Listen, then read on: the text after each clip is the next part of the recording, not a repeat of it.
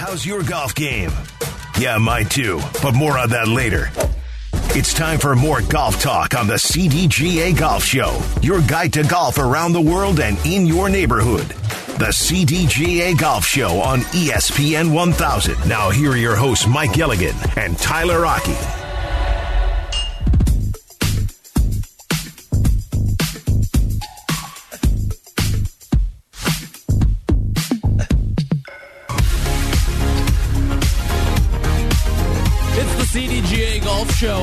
ESPN 1000, also on 100.3 HD2. You can watch the show on Twitch as well, twitch.tv slash ESPN 1000 Chicago. This segment brought to you by PGA Tour Superstore. Visit any of our four Chicagoland locations today.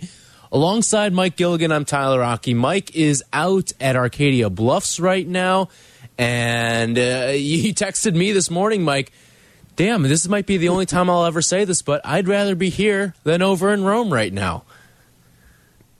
No doubt. This the view that I have is absolutely extraordinary, but I would have I think rather have been in Rome watching a more competitive event, but uh, yeah, we've got 20 uh, CDGA members coming up for uh, what will be our final regional because we do these throughout the summer, a regional CDGA member trip. So 20 uh, members are making their way around Lake Michigan. I came up late, late last night, and Arcadia Bluffs is, when I tell you we are on the lake, I mean, I can probably hit a five iron over to the water right now from where I'm perched here at the clubhouse. And so the view is extraordinary. We are up north, about equidistant to where Green Bay is in Wisconsin, so as the crows fly. So we are in for an epic three days of weather, golf, and just fellowship amongst CDGA members. And these trips are, are popular, and we're going to be rolling out a, a an even more comprehensive schedule in 2024 that will include the likes of Bandon Dunes,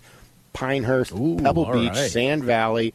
We're going to come back here. We're going to go to French Lick. So there is going to be all kinds of travel opportunity. And why do we do this? Because our members are passionate about traveling and playing quality golf courses in our region and around the country, let alone, and we'll go over to Ireland. Or no, we're going to Scotland. I'm sorry, Scotland next year as well. So internationally, nationally, regionally, we've got it all. That is a loaded lineup right there, and that sounds awesome.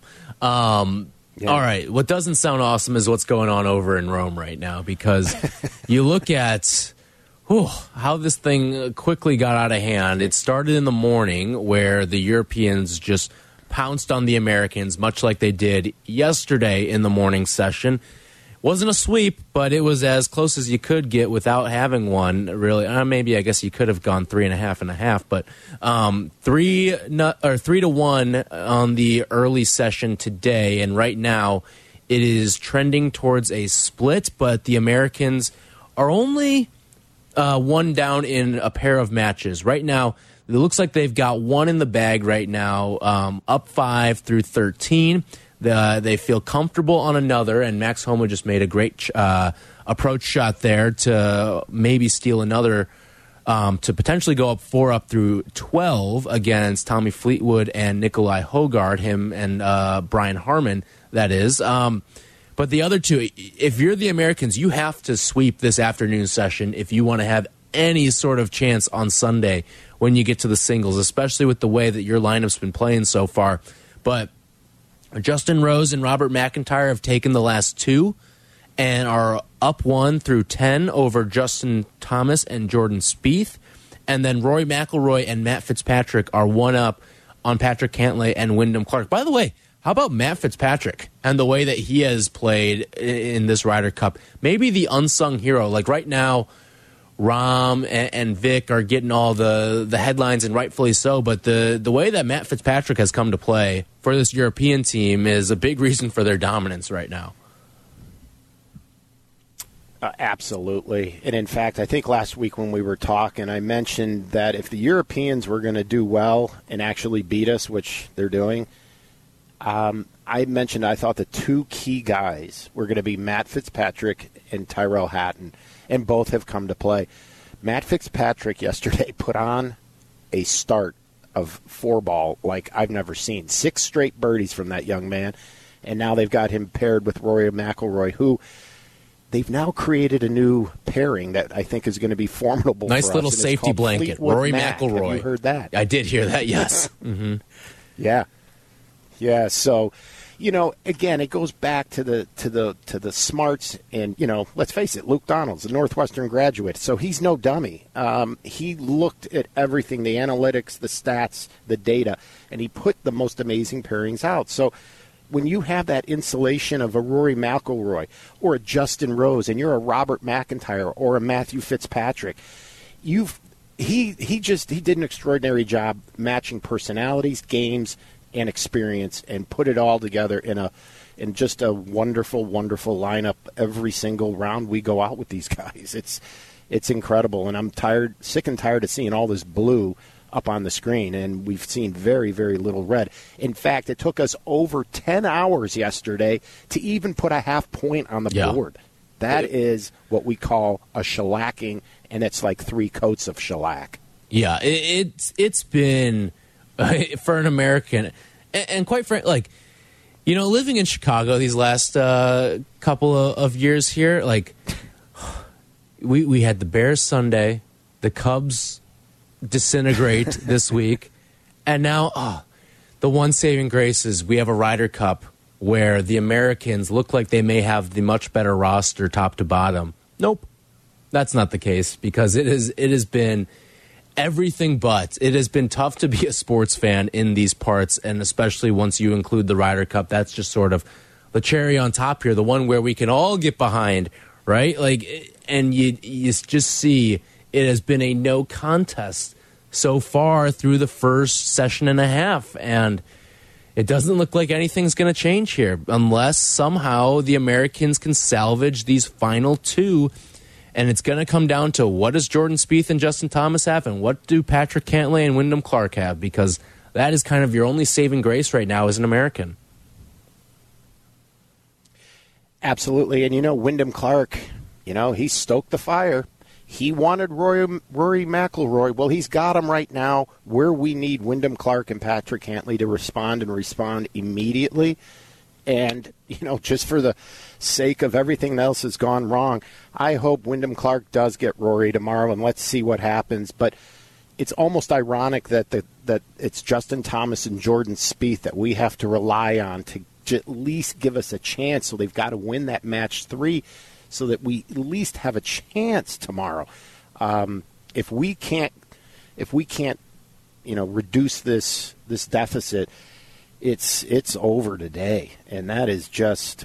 I mean, that is of all the Ryder Cups I've seen, this is without question the biggest blowout, and um, I'll just say the one I'm least interested in watching by by a long stretch. I mean, how disappointing is it? We had the whole weekend set up for us, right? Like, you had this, and, and it could just, it's kind of nice with the way it's structured, too, because you can just kind of wake up. What I did yesterday was I recorded it.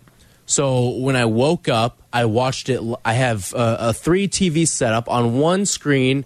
I've got it rolling from the start. So anything I missed, I can catch up on. And then on the other screen, I have it live, where it was when, when they were into the, the, the four balls in the afternoon yesterday. And it was just like I saw the score when I woke up, and, and I saw some texts from some of my friends who either stayed up last night or, or were up before me. And it was just like, what? What's the point of even turning it on? Like, it was so disappointing to wake up to that news that it was over before half of America was even awake. Yeah, no question. And you know, to call this a butt kicking, I think is is being nice. And again, we mentioned it a little bit with with James about NBC, but with an NFL game going on in Yes. London mm-hmm. that's starting in just a little while. Um, I just think there's a lot of people who might not even be putting the Ryder Cup on today based on waking up and seeing the score, and they're just getting some errands done and going to watch football. Yeah. It's kind of the like you thought it was going to be the perfect bridge, right? Like you'd have an NFL game that you can kind of peruse and check in on, um, but then you would have a, the Ryder Cup to sort of lead into the day of NFL action, and and boy, it's just kind of a. it, it's just a, a real sort of wake up call, I think, for this uh, this American group, and, and, uh, they went over there as the aggressors, as, as the the cocky ones, and the ones that were feeling good about everything. But then. The, by, by the end of Friday, it, it was all over. It felt like there was nothing that the Americans could do because there was a chance to salvage yesterday. You could have been 5 3 heading into to Saturday. You easily could have been 5 3 and instead you you wake up and, and you close out that Friday at, at, a six and a half, one and a half deficit, and it's a completely different ball game. Completely different ball game as you head into Saturday. No doubt. If we were at five three heading into today, it's it's There's a intrigue. different mindset. It's a different game. It is. It just really is. And um, yeah, I mean it's it, it, it's just it's amazing. And so I guess you know, what do we learn from this? Well, we learn we better pick a different type of captain. So who does become the captain in 2025? And I think as I look at what's going on this weekend, I can only say the best news is that the Ryder Cup, when it comes to Bethpage, isn't happening this week at Bethpage because they've they're getting eight inches of yeah. rain over the last couple. It hasn't stopped raining so since Thursday night. Even, I know. And what's amazing about Ryder Cup in the Eastern Seaboard, having worked it down at Kiawah, it's hurricane season. Yeah. And in 1991, we couldn't even get any American company to insure the event because we were holding the event on the anniversary of Hurricane Hugo that hit in 1989, which was one of the biggest hurricanes ever to hit. So it, it, it influenced us in 1999 when we were in Boston. So this is smack in the middle of hurricane season, and you know Bethpage is just getting hammered with rain. But given all of that, when we go to New York in two years, who who should be the captain? And I'll ask you, what do you think? Why don't we address that when we come back here on the other side? Because uh, it is not looking pretty for the Americans, but we will do that when we return here on the CDGA Golf Show. This segment brought to you by the PGA Tour Superstore. And I've got a couple things that the captains need to consider heading into to New York in a couple years from now. We'll do that when we come back here on the CDGA Golf Show presented by Glenview Park Golf Club. This is the CDGA Golf Show on ESPN 1100.3 HD2 and the ESPN Chicago app. Welcome into the CDGA Golf Show on ESPN 1000. Presented by Glenview Park Golf Club. Here's your hosts, Mike Gilligan and Tyler Rocky. This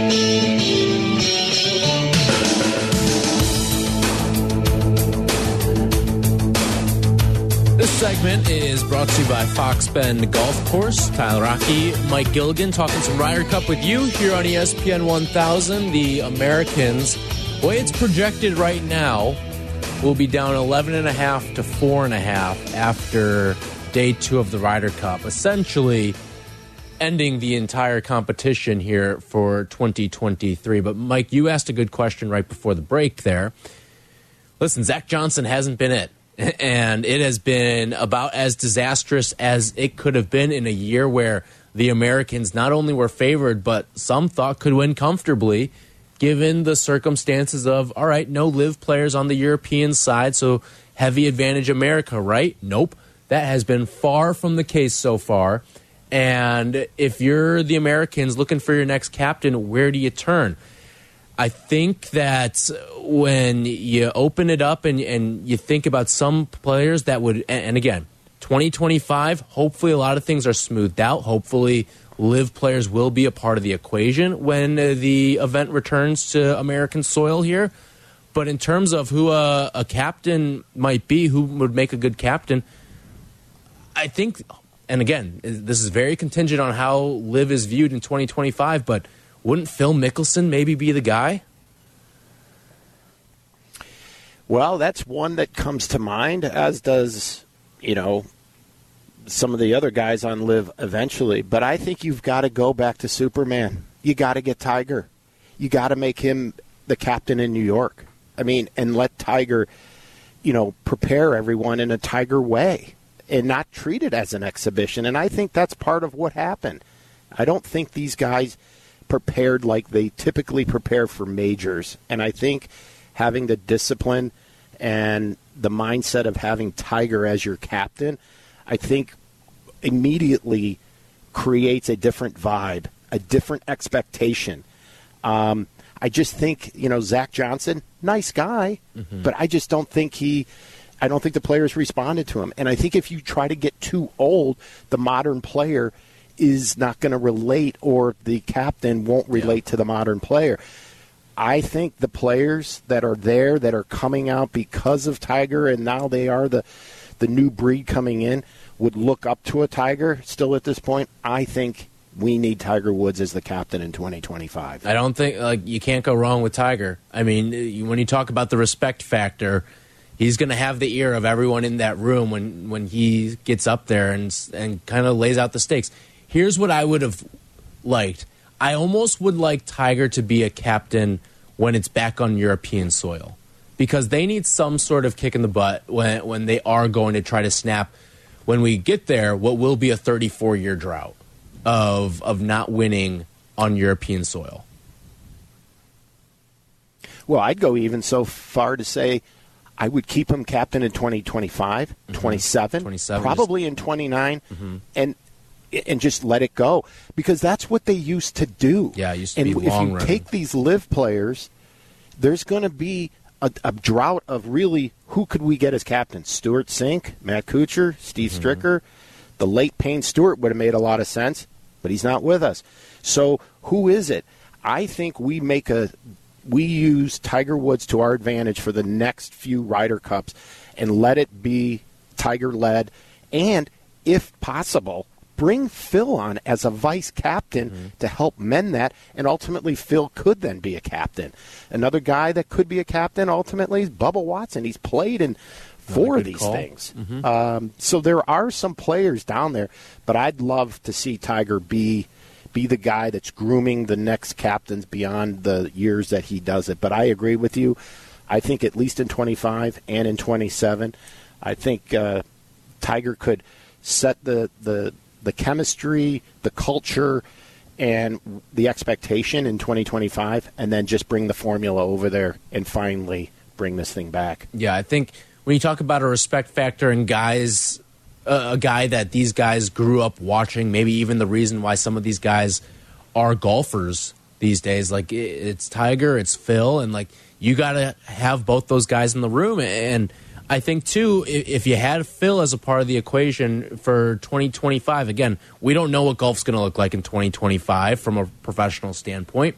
What's the the LIV versus PGA battle going to ultimately look like by the time we get there? But I think having a guy like Phil, or you also brought up Bubba, another name off of the LIV tour there, having one of those two guys in the room would certainly help with the chemistry standpoint. If these guys aren't playing on the same tour, like if we can get together and we can agree upon things in a room, you guys should be able to go out there and execute together on a golf course. Exactly. And a guy like Tiger, he wakes up each day with one thought in mind, and that's to win, to be the best. And I guarantee you, he wouldn't hesitate in one second to get in your face if necessary. But at the same time, I think Tiger has matured over the years that he'd be the same guy that he'll know when to put his arm around you and lend – that type of encouragement that only he could impart based on who he is and what he's seen and what he's done over his wonderful career.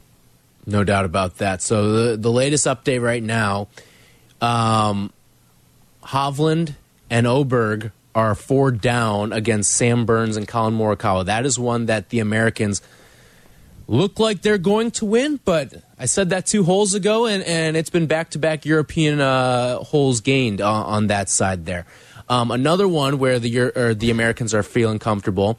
Brian Harman and Max Homa are four up with five to play right now against Tommy Fleetwood and Nikolai Højgaard.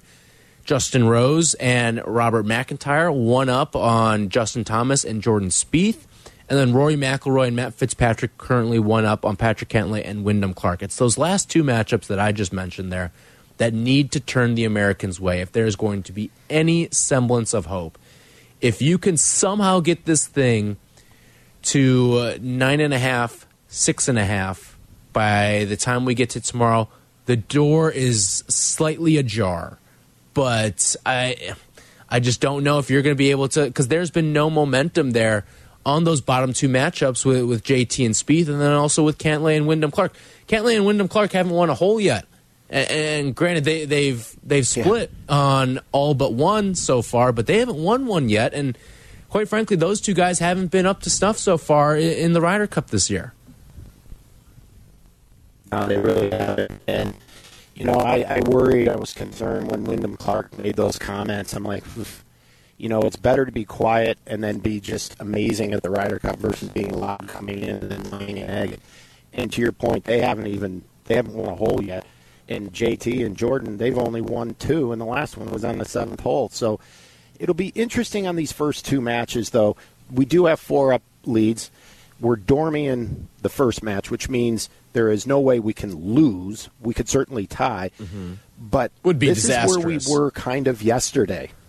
Yeah, this when when I asked, could anything possibly go more wrong? And then we had the nine and seven. Well, if we somehow work out a half point and we only get half points out of these first two or one of them, that would be then the next worst thing that could happen to us. We have to get those two. And to your point, we've got to salvage one of the bottom two matches. And hopefully, somewhere, somehow, Wyndham Clark and Patrick Cantlay can at least win two holes between now and then and not lose any others. Yeah, I, I mean, to be honest, I don't know what was worse, the nine and seven or the having of the the three in um in the afternoon four balls. Uh, the Saturday morning nine and seven, or having the three where you had leads and just kind of choked them away down the stretch. Um, especially like the one that that certainly comes to mind is, is what happened with with Rahm and and Hojgaard having against Brooks and Scotty. I mean, that should have been the most formidable pairing possible. And, and for so much talk about, oh, how how would Brooks gel with the, this American team? Him and Scotty seemed like they had a great vibe going together yesterday um, in, in, the afternoon, and, and uh, to see it. Not necessarily, cho- they, I wouldn't say they choked, but Jon Rahm just stepped his game up on, on the 16th and 18th, finishing with eagles on two of the last three holes and that sort of destroyed any momentum that the Americans may have had. And you would be looking at this thing completely differently heading into today, especially if you could secure three of these afternoon uh, sessions. Yeah, and there's just a lot that has to start going right for us. And it, it's been a weekend that it just seems that everything has been going Europe's way. And that's golf sometimes. Sometimes, no matter how hard you try and the harder you try, it just gets worse. And, you know, again, I think between not feeling well, you know, the journey, and I have to be honest with you, being a part of these Ryder Cup weeks, it's a long week. It's exhausting. These guys, A, travel, B, all the social engagements in the evenings and the different things that they're required to do all through Ryder Cup week, the opening ceremonies, the changing of clothes that they have to go through for galas and opening ceremony. It's crazy. The golf becomes almost secondary in a in a sense and for the United States team, we truly have treated it as such. It's been a primary focus for Europe all the way across the board and um, I just think we went over there to look like to play an exhibition, and that's what we've done. You know, you bring up the the comment made by Zach Johnson yesterday about uh, the sniffles going around the the American team. Did that make you a little more frustrated? Like that's one thing I feel like you you don't bring up. You just you let it go. You, I, I feel like the excuse making from Zach Johnson certainly angered some American fans yesterday. I agree. And I think, Zach, the moment he said it, he wished he could pull those words right back into his mouth because he was creating a story that probably didn't need to be there. And it didn't necessarily need to be there and shouldn't have been there at all during the three days. You have plenty of time from Monday on to tell us how sick and how brutal and how, you know, poor everybody was feeling. And I'm sure we'll get a steady diet of that. But to your point, I felt like, really? Are you going to really try to tell us that that's the reason and that you're going to point to that as some of this? They just flat out beat you and just, you know, tip your hat to them. And that's the end of that. I, for him to get into this and then when asked specifically who, what's going on, whatever, then he clams up. he doesn't feel like it's right to then talk about it. Well, guess what? You brought it up, not us. So, you know, I think that was a huge boo boo by Mr. Johnson for sure. Yeah. All right. When we come back, Mike, I, I want to discuss the the absence of LIV. How is it being felt, and quite frankly, would it have made any difference? We'll talk about that when we come back. This segment brought to you by Fox Bend Golf Course, the CDGA Golf Show. We'll be right back. This is the CDGA Golf Show on ESPN 1100.3 HD2 and the ESPN Chicago app. From PGA to where you should play, this is the CDGA Golf Show with Mike Gilligan and Tyler Rocky, presented by Glenview Park Golf Club. Here we go,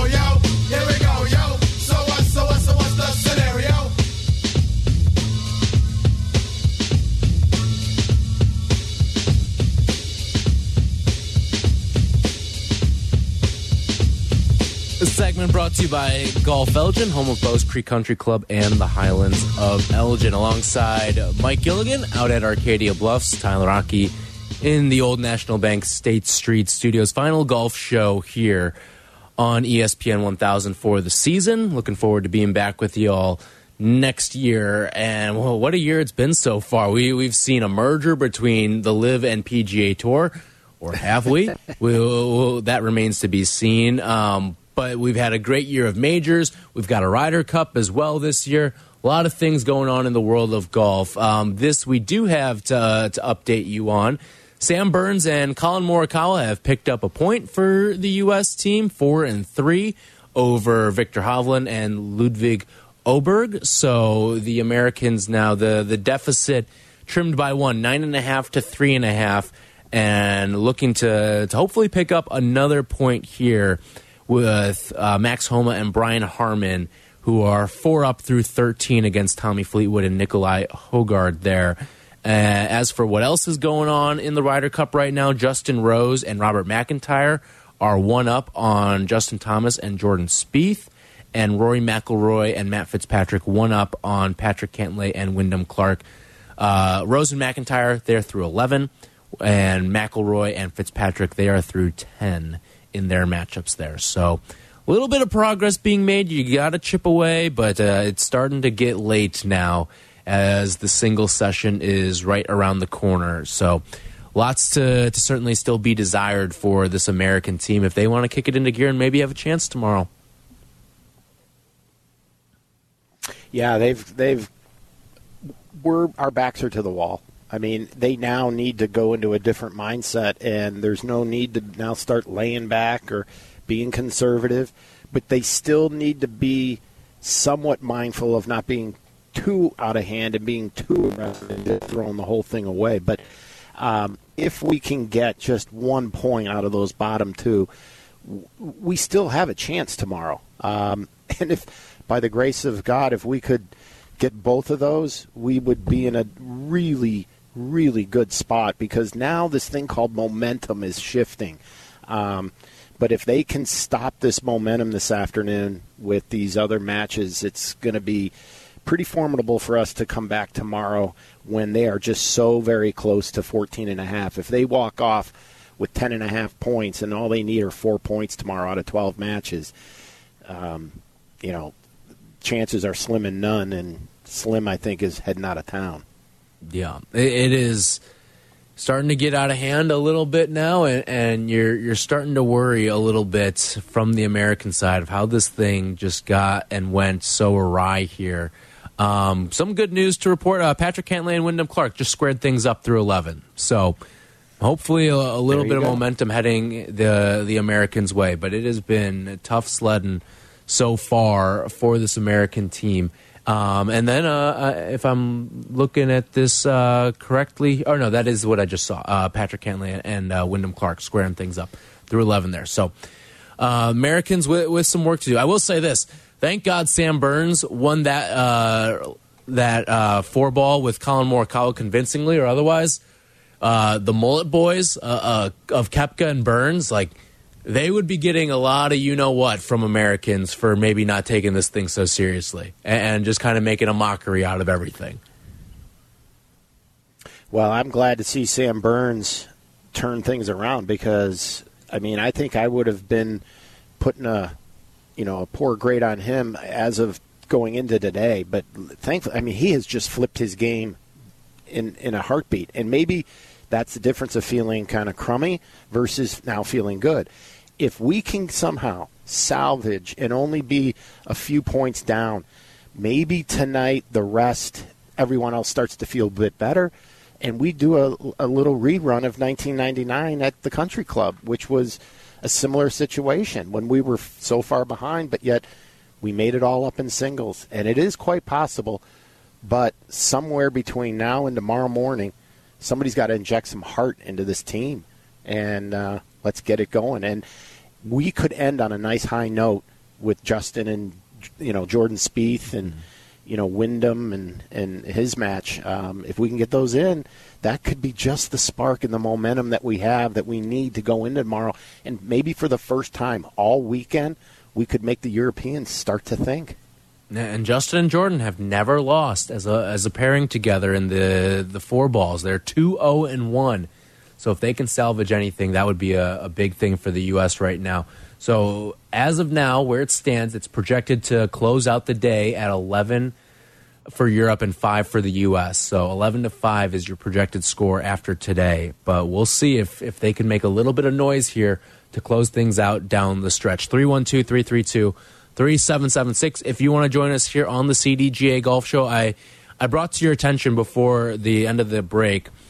Would LIV even have made a difference if some of these guys were here? So, some of the notable absences no Ian Poulter, no Sergio Garcia on the European side, on the American side, no uh, uh, Dustin Johnson, no Bryson DeChambeau. Like, the way you look at it right now and, and what's sort of transpired so far, would it have even made a difference if if Bryson and DJ were here? I still lean towards yes, just because they were so dominant the last time around at Whistling Straits.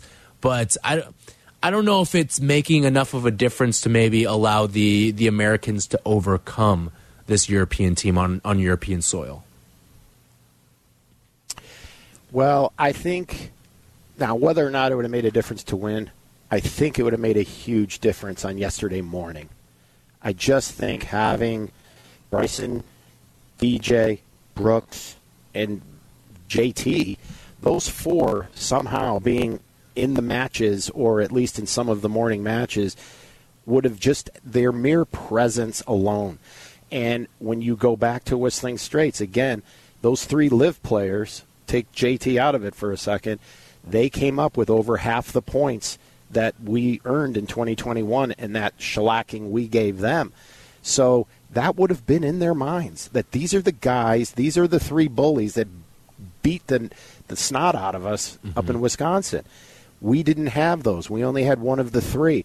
And when I was out at LIV this past week and watched Bryson DeChambeau play some golf, he plays a different game. He just does. Love him or like him or hate him, it doesn't matter. The guy hits it a flipping mile, and he can be when he's on. He's as straight as anybody, and I think he would have been an asset to the team over there, despite what people feel about him as a person. I I think he would have been uh, a formidable person to walk up to the first tee with. I, I would take him as my partner in a in a heartbeat to to go out there. Um, but again, would would this make the difference over the long haul?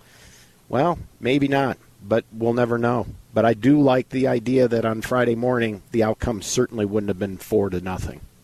No, I'm with you there. And like you've got two vets, and they're not just vets; they're they've been fantastic over the last couple of Ryder Cups. And, and you think about what, especially what they did in Wisconsin. It, you're right; it would not have been a sweep. You probably, in all likelihood, this morning would not have seen a, a three-one either. Like these guys would have given the Americans a, a real shot of, of winning this thing, and it, it all of a sudden like makes you wonder, like Zach Johnson, like this is just more sort of fuel to that fire now for Zach Johnson of you could have had him. There were no rules on this side, on the American side. You could have played by different rules here, and the fact that you chose not to is feeling a little hollow at this point. And if you're on on this side, you're like, wow, it maybe could have really been different, or at least could have you could have had some intrigue leading into Sunday. Now we're looking like, are we going to even have a, a Sunday worth watching uh, from the American side of things?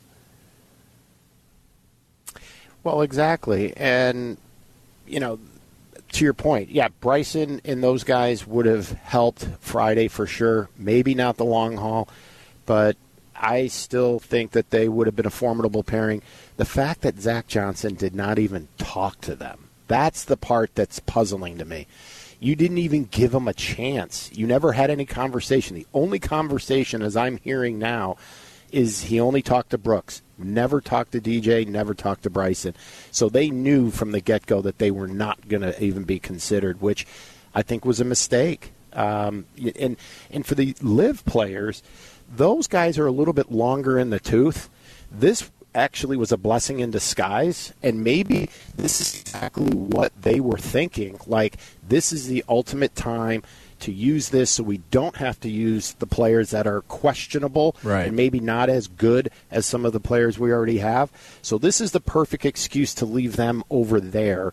Let's bring Ludvig in. Let's bring in some of these new players, Robert McIntyre and company, and let's you know let's rebuild the band for the years to come.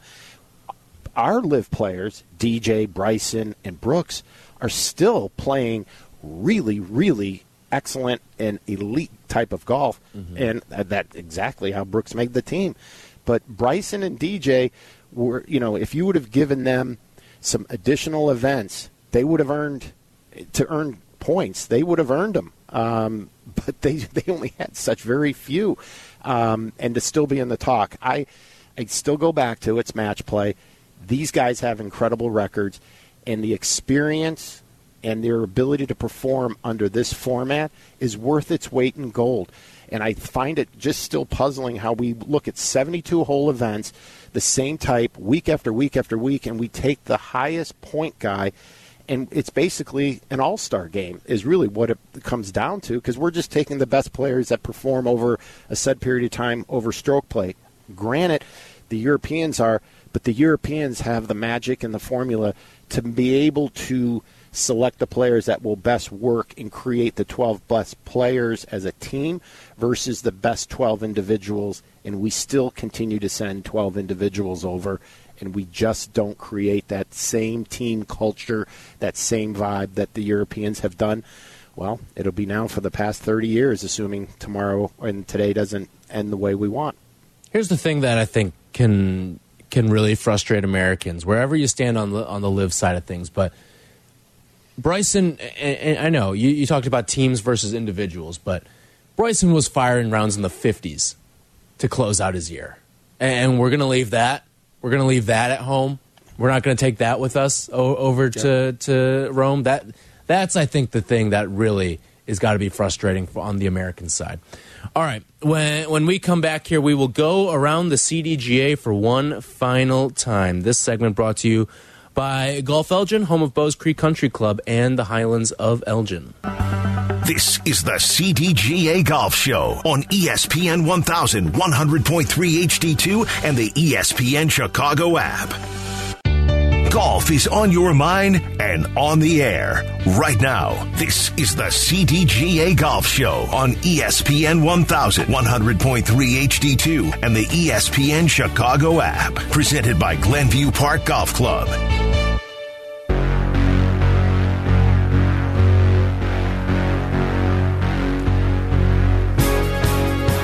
This segment brought to you by Cog Hill Golf and Country Club, a pure golf experience. One final segment here for the season on the CDGA Golf Show. Mike, first off, it's been a blast working with you all year long, all the way back from the Chicago Golf Show out at Rosemont.